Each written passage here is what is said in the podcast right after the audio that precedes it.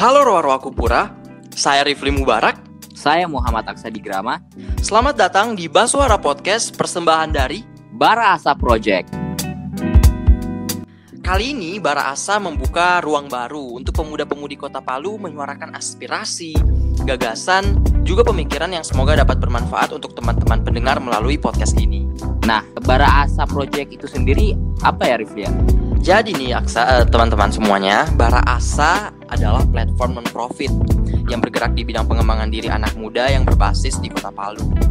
Terus kita juga udah punya visi misi nih teman-teman. Jadi Bara Asa eh, sebagai katalisator pengembangan diri yang berkelanjutan demi terwujudnya anak muda yang berdaya saing dan berkontribusi untuk Kota Palu. Terus kita juga mau eh, menyediakan wadah pengembangan diri yang berkelanjutan untuk menciptakan individu yang berdaya saing, mencetak role model yang dapat memberikan pengaruh positif terhadap lingkungan sekitar, hingga menciptakan ekosistem yang konstruktif dalam katalisator pengembangan daerah. Nah, sekedar informasi buat teman-teman pendengar juga bahwa latar belakang berdirinya Bara Asa Project ini merupakan inisiasi dari pemuda-pemudi yang lahir dan besar dari Kota Palu untuk memberikan fasilitas pengembangan kepemudaan atau pengembangan diri anak-anak muda di Kota Palu bahwa kami melihat adanya perbedaan atau kesenjangan pemuda-pemuda dalam lingkup secara nasional dan juga pemuda-pemuda yang berada di Kota Palu.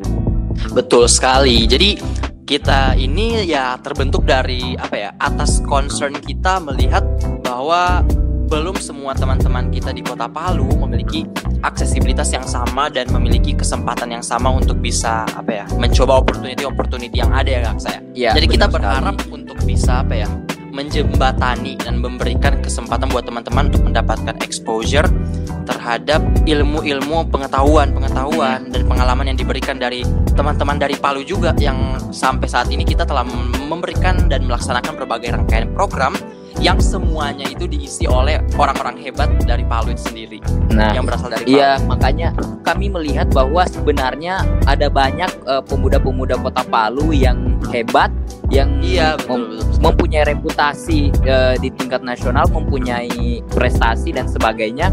Lalu kami mencoba menghubungkan Bara Asa sebagai wadah yang kami bentuk antara pemuda-pemuda Kota Palu yang hebat tadi agar bisa memberikan dampak atau memberikan pengaruh eh, manfaat kepada anak-anak muda Kota Palu lainnya sehingga mereka juga bisa memiliki kemampuan atau memiliki hal-hal seperti eh, anak-anak muda Kota Palu yang telah memiliki eh, reputasi atau prestasi di berbagai bidang seperti itu. Iya. Jadi kita berharap banget ya, berharap sangat berharap bahwa Bara Asa Project ini apa ya bisa menjadi sumber inspirasi dan motivasi buat teman-teman di Kota Palu dan bukan hanya pemuda saja tapi remaja-remaja Kota Palu juga Ya. bisa untuk bisa apa ya bisa meneruskan langkah-langkah kakak-kakak kita yang dari Kota Palu yang telah mengharumkan Sulawesi Tengah, Mm-mm. Kota Palu di kancah nasional maupun internasional.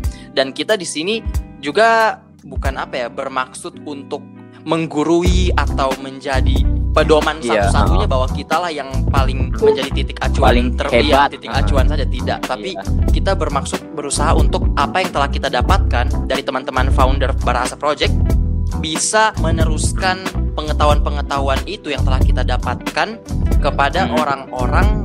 Yang memiliki motivasi dan motivasi yang sama maupun yang belum termotivasi. Jadi semoga Bara Asa Project ini Iya. merupakan wadah yang tepat dan terus berkelanjutan dan bisa memberikan eh, motivasi, inspirasi dan kontribusi yang komprehensif dalam pengembangan Kota Palu. Artinya juga eh, kita bukan berarti eh, kita juga tetap belajar dengan Iya, teman-teman eh, pemuda teman-teman lain. Jadi eh, kita bisa melalui eh, Bara Asa Project ini kita bisa eh, belajar ba- eh, belajar sama-sama, bisa belajar bareng, bisa sharing-sharing tentang pengalaman dan berbagai hal lah untuk eh, pengembangan baik itu pengembangan diri, prestasi dan hal-hal lain sebagainya Iya. yang berkaitan dengan eh, pembentukan karakter atau eh, kemampuan dari pemuda itu sendiri. Benar sekali karena peran, peran pemuda itu begitu esensial ya, Aksa.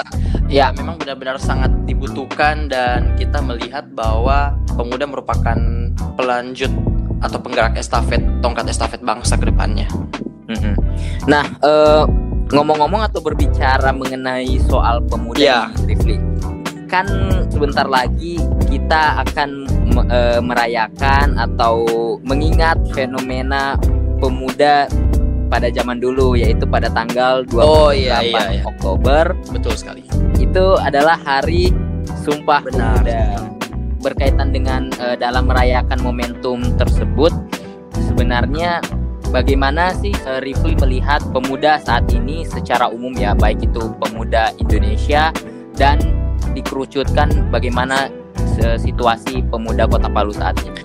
Nah, kalau Rifli Oke, bagaimana? kalau saya sendiri ya, Ksa, melihat pemuda saat ini di mungkin karena melihat privilege dan ruang lingkup yang merupakan tempat saya berdiri saat ini melihat bahwa pemuda-pemudi saat ini sudah progresif, kontributif dan melihat bahwa mereka Mhm. memiliki tujuan masing-masing di sudut pandang saya ya. Tapi kita juga harus melihat ya, kalau misalnya pemuda-pemudi yang kita lihat saat ini, teman-teman kita bergaul dan lain sebagainya, masih ada perbedaan bahwa masih ada teman-teman yang belum memiliki akses yang cukup. Jadi pemuda-pemudi tidak bisa digeneralisasikan, disamaratakan terhadap sudut pandang kita karena kita melihat bahwa kita memiliki kesempatan yang cukup besar disediakan sama aksesibilitas yang tersedia, akses yang ada saat ini. Dan pemuda-pemudi yang saya lihat sampai saat ini berjalan sebagaimana mestinya karena berada di tempat yang kita syukuri bahwa kita masih diberikan kesempatan untuk bisa sekolah dan lain sebagainya. Tapi masih ada disparitas pemuda-pemudi Indonesia ya secara nasional maupun di Kota Palu Oh. sendiri masih sangat banyak teman-teman yang belum memiliki motivasi yang begitu besar untuk mencoba hal-hal baru sehingga itu bisa menjadi hambatan juga untuk mereka terus berkembang gitu. Eh, dan da- dalam arti bahwa ini bukan cuma di Kota Palu saja, tapi masih sangat banyak tempat-tempat atau titik-titik daerah yang bisa menjadi fokus perhatian kita bahwa tidak semua pemuda-pemudi yang kita lihat saat ini sama aksesnya dengan teman-teman yang tidak memiliki privilege atau mungkin di daerah 3T dan lain sebagainya. Dan ini menjadi sebuah tantangan bagi pemerintah maupun kita juga sebagai pelopor sama-sama bagaimana Hmm. caranya untuk tetap memberikan mereka akses dan saling merangkul satu sama lain bahwa bagaimanapun caranya walaupun eh, itu sudah menjadi pembatas yang memang di luar kendali kita ya Aksa maksudnya kita tidak pernah berharap bahwa semua orang itu punya takdir dan kondisi masing-masing baik segi ekonomi baik segi fasilitas dan lain sebagainya. Tapi saya berharap bahwa pemuda-pemudi seperti kita semua yang memiliki kekuatan kesadaran yang cukup maupun lebih untuk bisa saling merangkul sih, untuk bisa saling merangkul dan saling memberikan kontribusi satu sama lain bahwa Sumpah Pemuda adalah fenomena historis di tahun 1928 yang mengumpulkan pemuda eh, pemuda-pemudi Indonesia baik dari eh, bagaimana penekanan tentang bertumpah darah yang satu tanah Indonesia berbangsa satu menjunjung bahasa persatuan bahwa di tengah keberagaman kita adalah bagaimana caranya untuk tidak mudah terdisintegrasi tidak mudah terpecah belah dan Iya. relevansinya dengan zaman sekarang ya pemuda-pemudi takutnya kalau misalnya tidak memiliki eh, tidak mempunyai apa ya kemampuan menyaring berita-berita bohong misalnya itu bisa saja mungkin cepat terpecah belah dan terindoktrinasi dengan hal-hal buruk dan itu adalah PR kita sih bagaimana sumpah pemuda saat ini adalah bentuk perayaan bahwa pemuda-pemudi saat ini semuanya saling merangkul satu sama lain tanpa harus menjatuhkan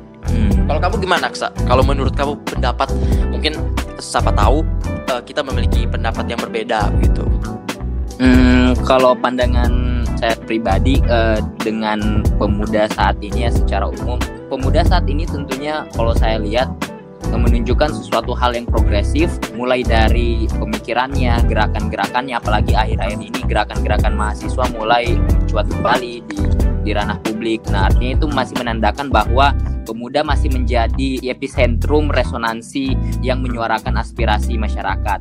Nah, tapi di sisi lain, di balik berbagai sepak terjang pemuda saat ini, anak-anak putra bangsa yang telah ada saat ini, yang telah diraih eh, mengharumkan nama negara Betul dan sebagainya.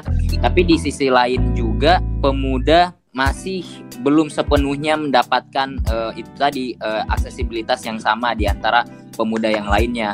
Nah, walaupun saat ini kita eh, berada di era globalisasi, di era digitalisasi yang artinya segala hal semuanya itu bisa dapat diraih dengan mudah, baik itu melalui internet dan berbagai informasi hal lainnya bisa didapatkan dengan mudah.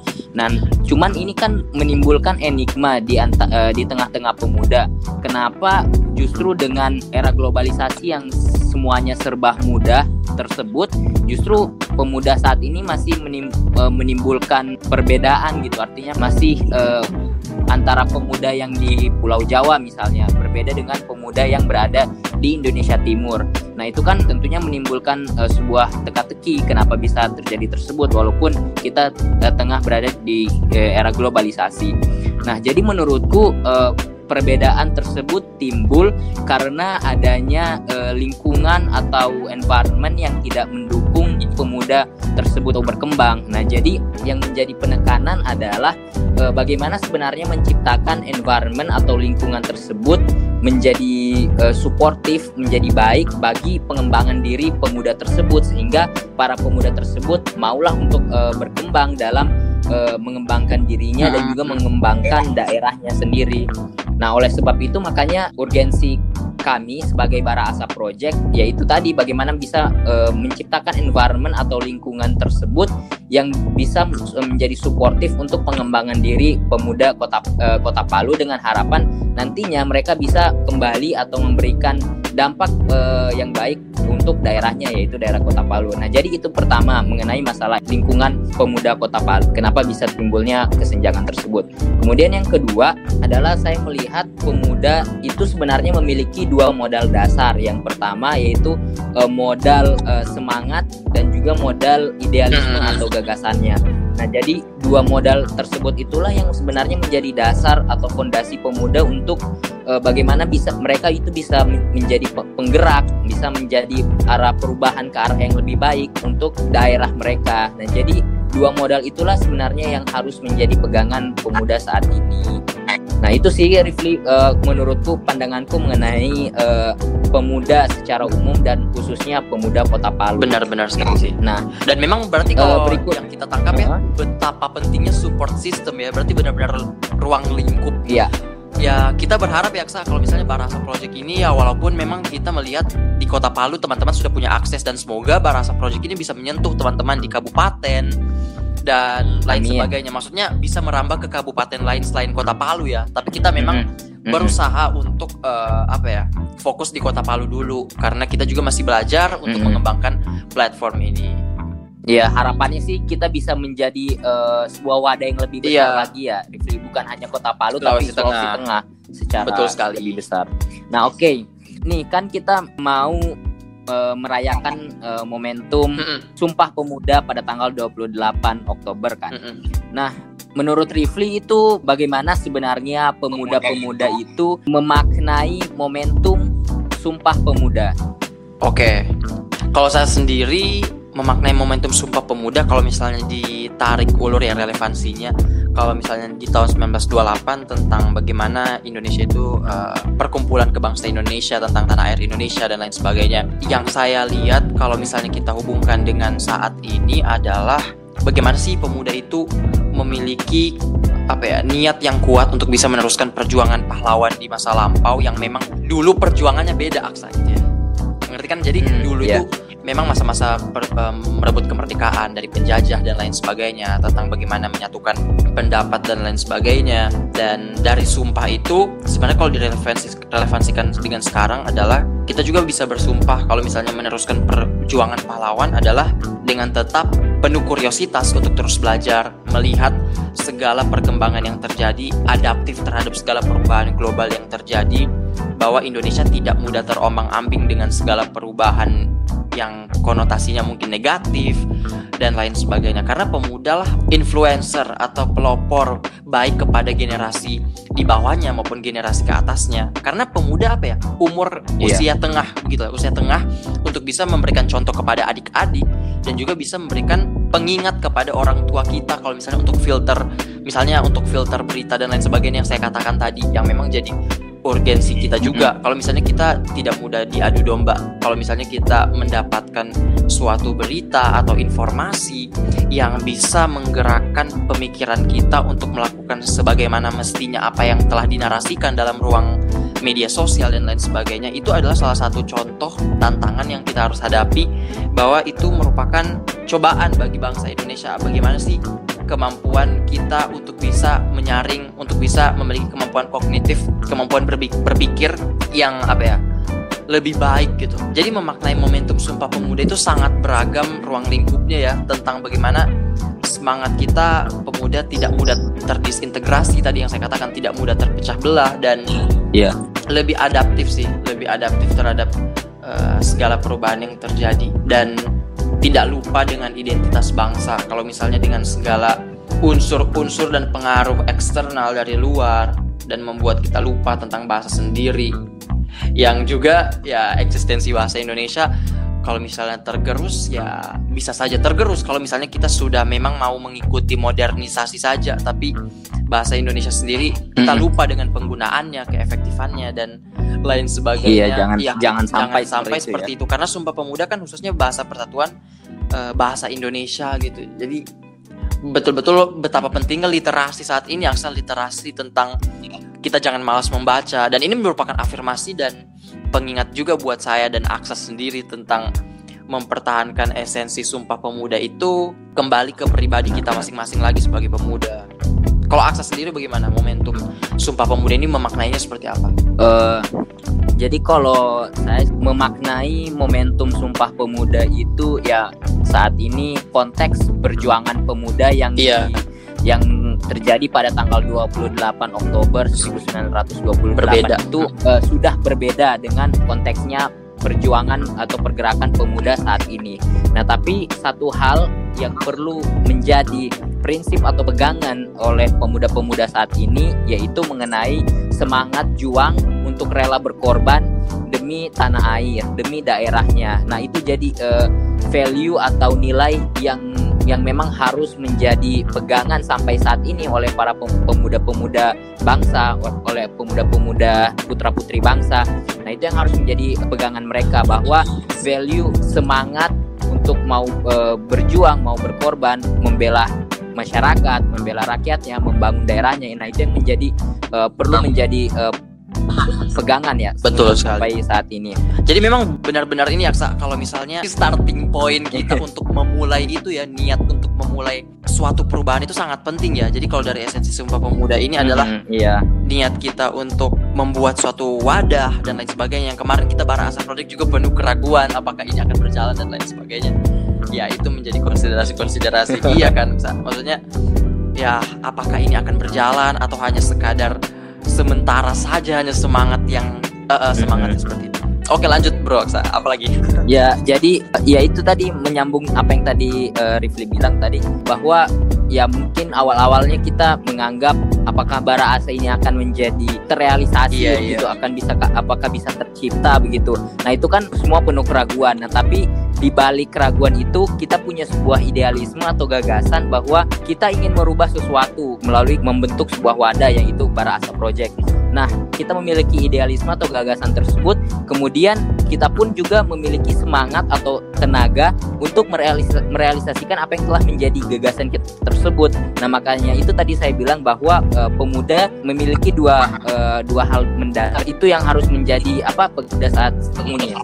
Nah, menyambung juga dengan Hari Sumpah Pemuda bahwa kita, kita bisa lihat eh, pada saat itu seluruh pemuda di tanah air mulai dari Jong Celebes, Jong Java eh, dan lain sebagainya, Jong Borneo. Nah, itu kan mereka bersatu menjadi suatu kesatuan yang menjadi suatu gagasan bahwa kita ingin eh, menjadi negara kesatuan, negara Republik Indonesia bahwa suatu saat perjuangan kita ini akan eh, berhasil gitu. Nah, artinya gagasan-gagasan tersebut bisa mereka perjuangkan. Di samping itu juga mungkin menarik dari eh, sejarah bahwa kita bisa lihat pada saat itu kan momentum pembacaan proklamasi itu kan terjadi perbedaan pendapat ya Rifli antara golongan tua Iya, dan golongan Golongan muda. tua dan golongan Nah, muda. Nah, golongan tua inginnya eh, mereka jangan dulu pelan-pelan dulu untuk diproklamirkan proklamasi kemerdekaan Republik Indonesia. Nah, tapi golongan muda mereka ingin segera memproklamirkan hal tersebut.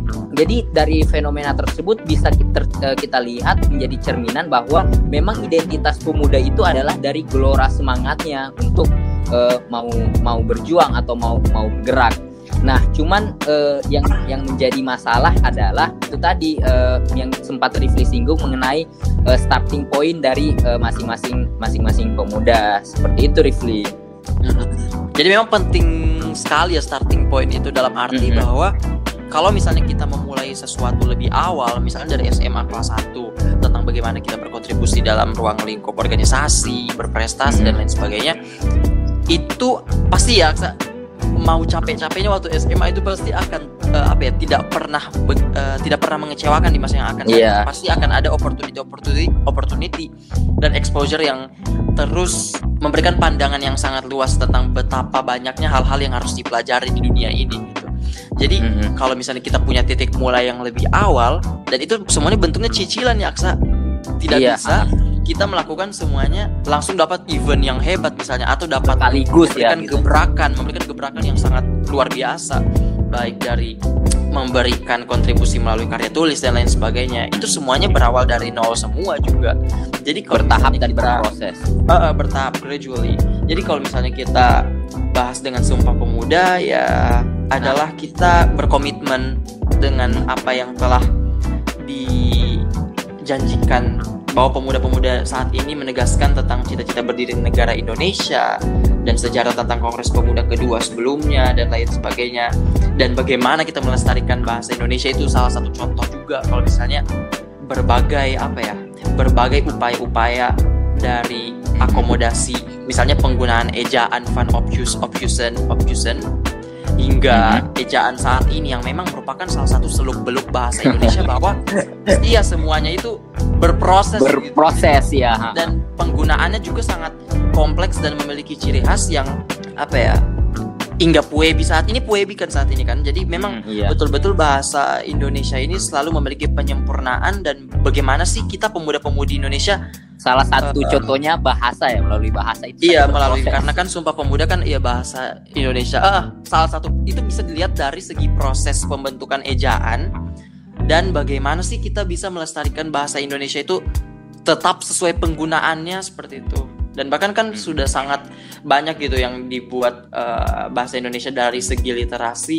memiliki pengaruh-pengaruh yang tidak sesuai dengan keaslian bahasa sih.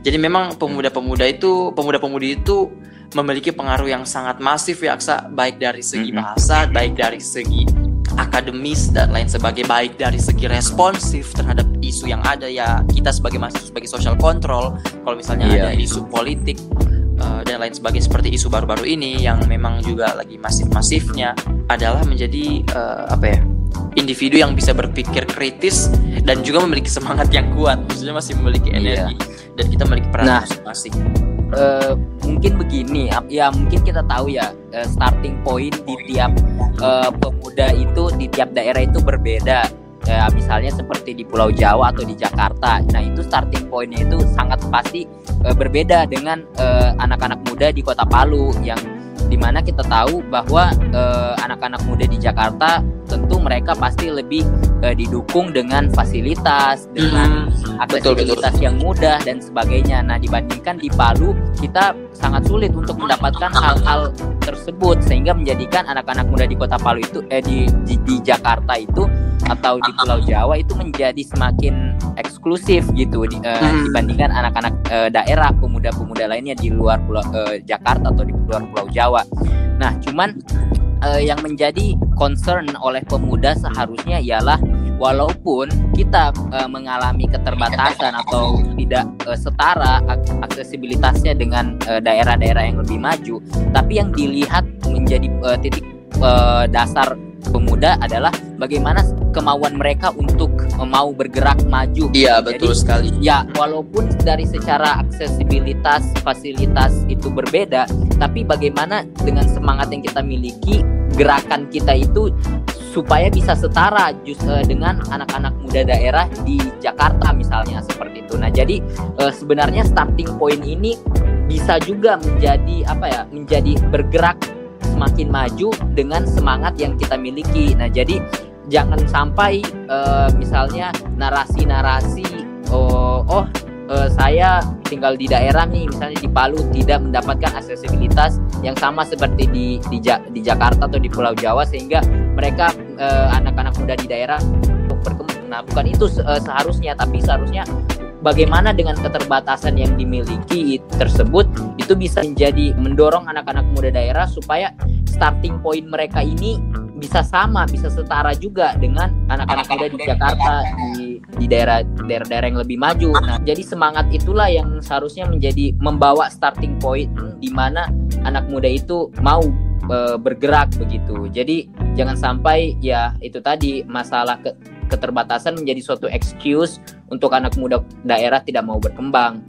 Justru dengan segala sumber daya yang ada, keterbatasan yang ada atau uh, aksesibilitas yang ada saat ini itu seharusnya harus bisa dimanfaatkan semaksimal mungkin oleh anak-anak anak-anak muda, anak-anak muda Kota Palu. Untuk bagaimana bisa dengan fasilitas yang terbatas yang seadanya saat ini di Kota Palu bisa men, e, membawa starting point tersebut menjadi setara dengan anak-anak muda di hmm. Jakarta atau di Pulau Jawa atau daerah-daerah lain yang lebih maju. Nah, itu sebenarnya Memang, harusnya iya. menjadi betul, betul. Uh, urgensi oleh pemuda. Berarti betapa pentingnya motivasi intrinsik dulu ya hmm. dibangun dari kesadaran internal karena kalau misalnya akses yang udah yang sudah tersedia tapi kalau misalnya kita tidak punya kesadaran untuk belajar juga ya sama juga ya. Jadi kayak aksesnya juga iya, tidak digunakan tidak digunakan sebagaimana mestinya. Dan kita berharap ya Aksa apa yang kita katakan ini memang tidak semudah dalam proses implementasinya. Mm -hmm. dan kita berharap dan kita juga apa ya tidak dapat dipungkiri uh, kita memiliki akses memiliki apa ya kesempatan pendidikan hmm. yang masih memadai dan alhamdulillah masih bisa terpenuhi lah. Tapi bukan berarti uh, kita juga memiliki niat baik untuk bisa apa ya menyentuh teman-teman yang memiliki motivasi tapi memiliki yeah. tapi tidak begitu memiliki apa ya wadah atau mm-hmm. uh, tempat untuk melihat for looking up to uh, terhadap sesuatu yang bisa dijadikan acuan untuk bisa berkembang secara bersama-sama seperti itu.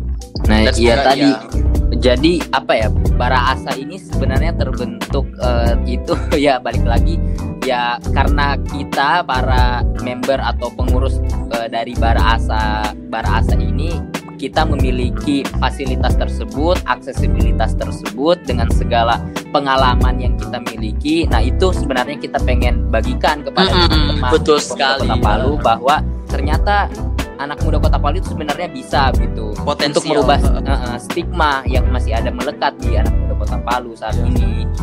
Karena selalu ada rasa ini ya kayak apa ya?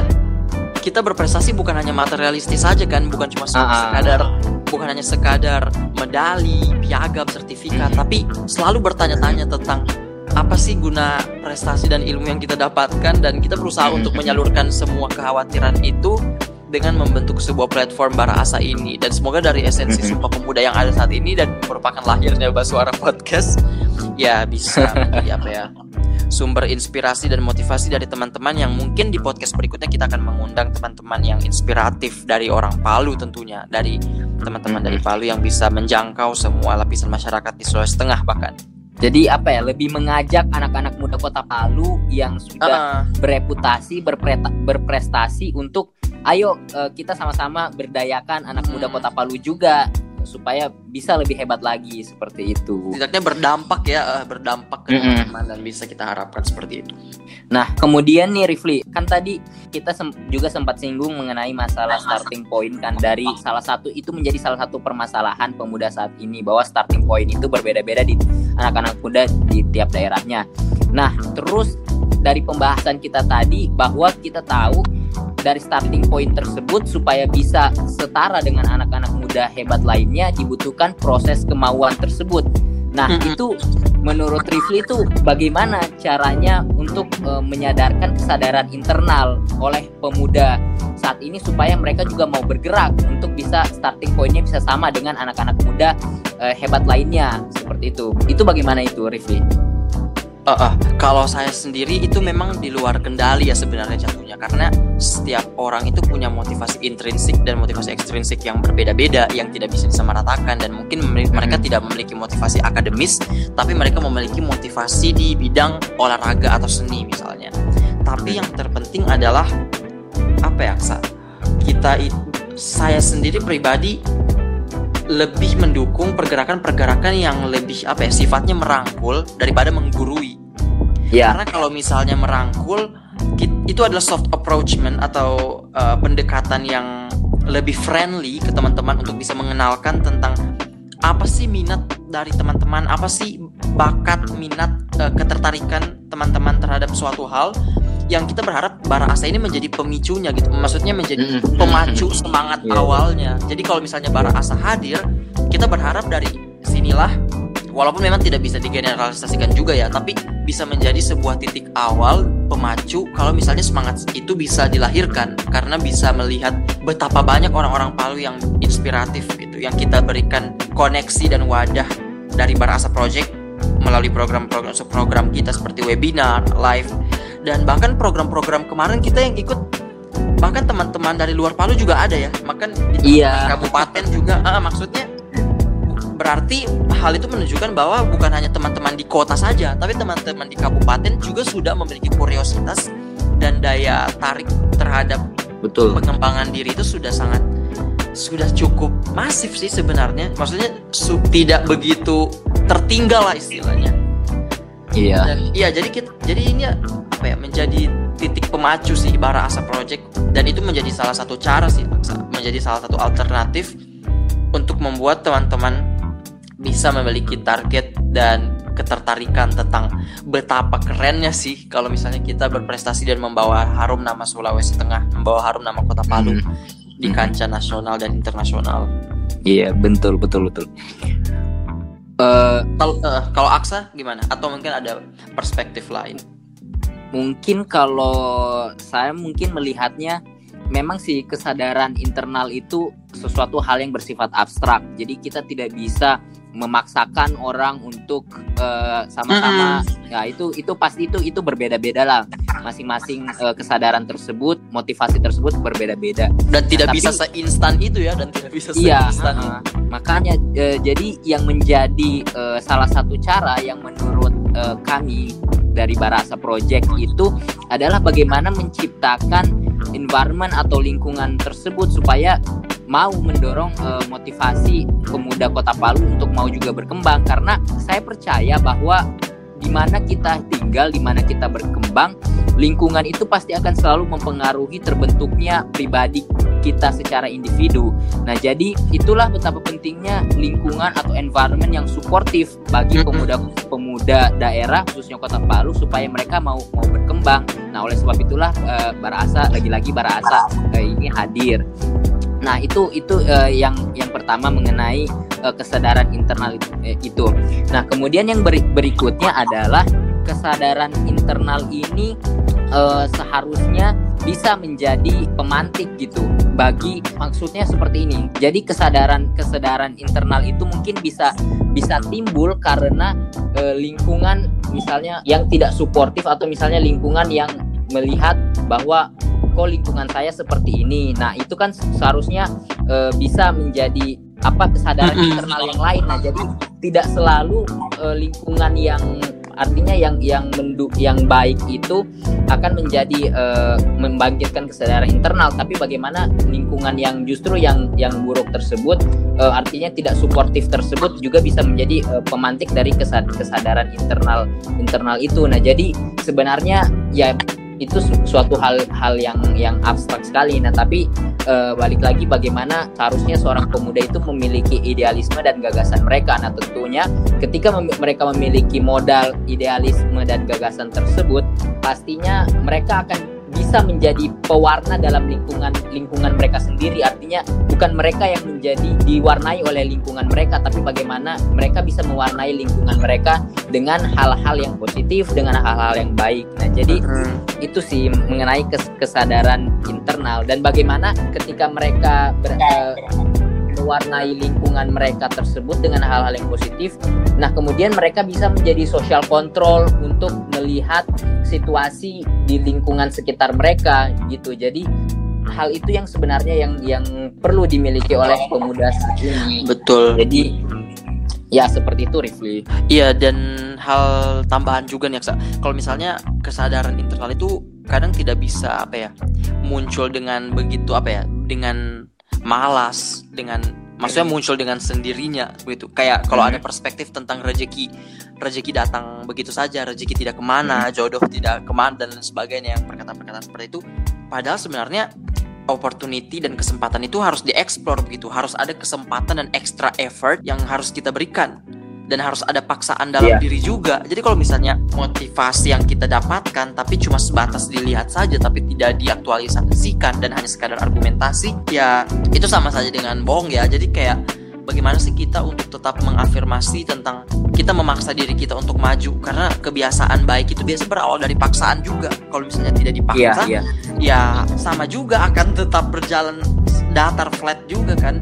Jadi memang sih betapa pentingnya kita juga menciptakan ekosistem yang konstruktif tadi yang kita katakan tadi ya dengan berbagai pemberian informasi yang terus berkelan yang berkelanjutan dan lain sebagainya itu bisa menjadi salah satu bentuk paksaan positif sih. Jadi tentang, uh, tentang pemberian informasi tentang invitation ajakan untuk terus berprestasi berkontribusi itu ya semoga kita harapkan bisa menyentuh teman-teman Kota Palu dan lain sebagainya. Amin. Dan tunggu saja ada program berikutnya dari para Asa Project ya.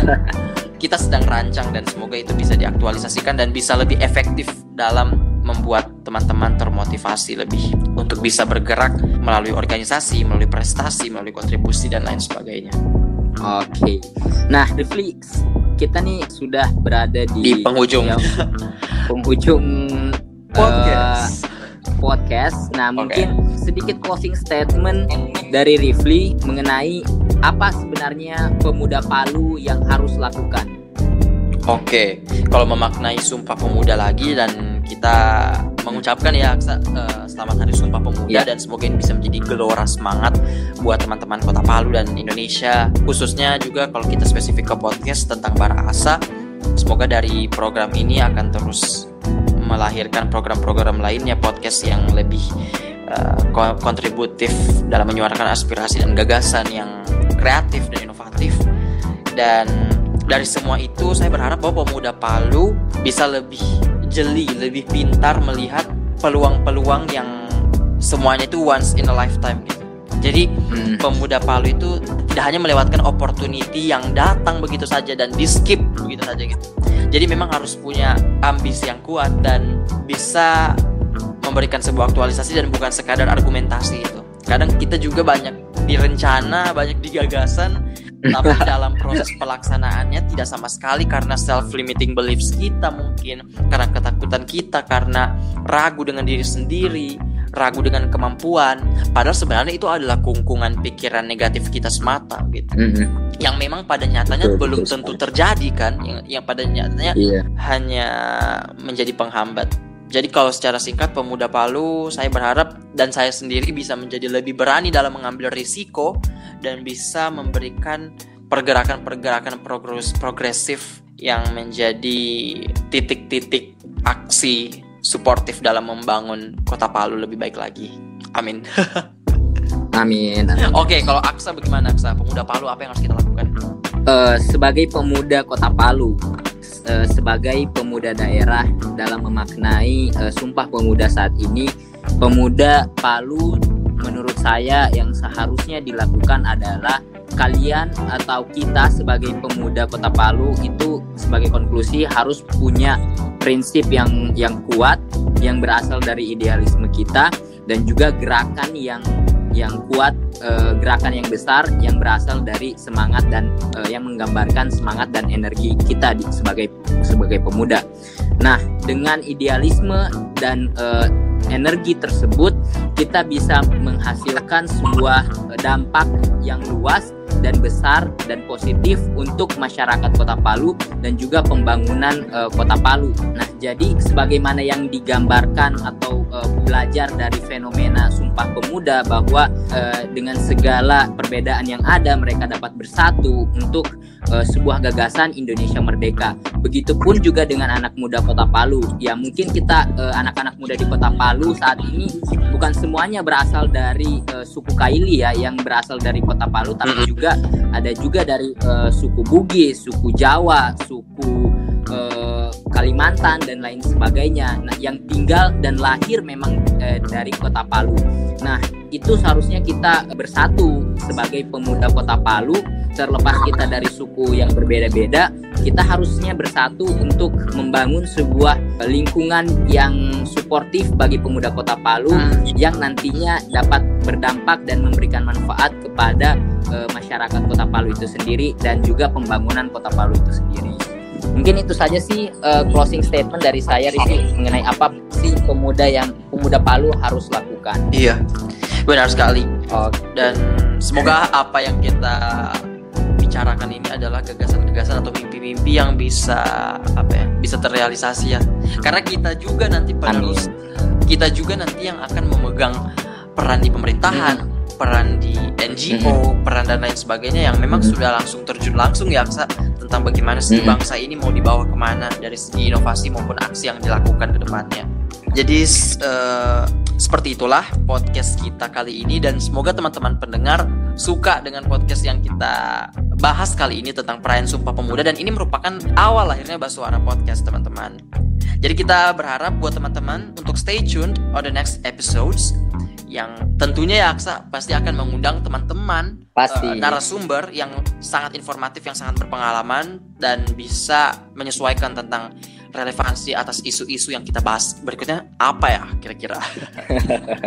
Tunggu saja ya. Tunggu saja berikutnya di episode-episode berikutnya. Oke, kami undur diri teman-teman semuanya, teman-teman pendengar. Semoga sehat selalu di tengah situasi ketidakpastian pandemi COVID-19. Eh, doa yang terbaik untuk kesehatan teman-teman. Jadi saya Rifli Mubarak. Saya Muhammad Aksadi Grama. Sekian terima kasih persembahan Bara Asa Project untuk Basuara Podcast.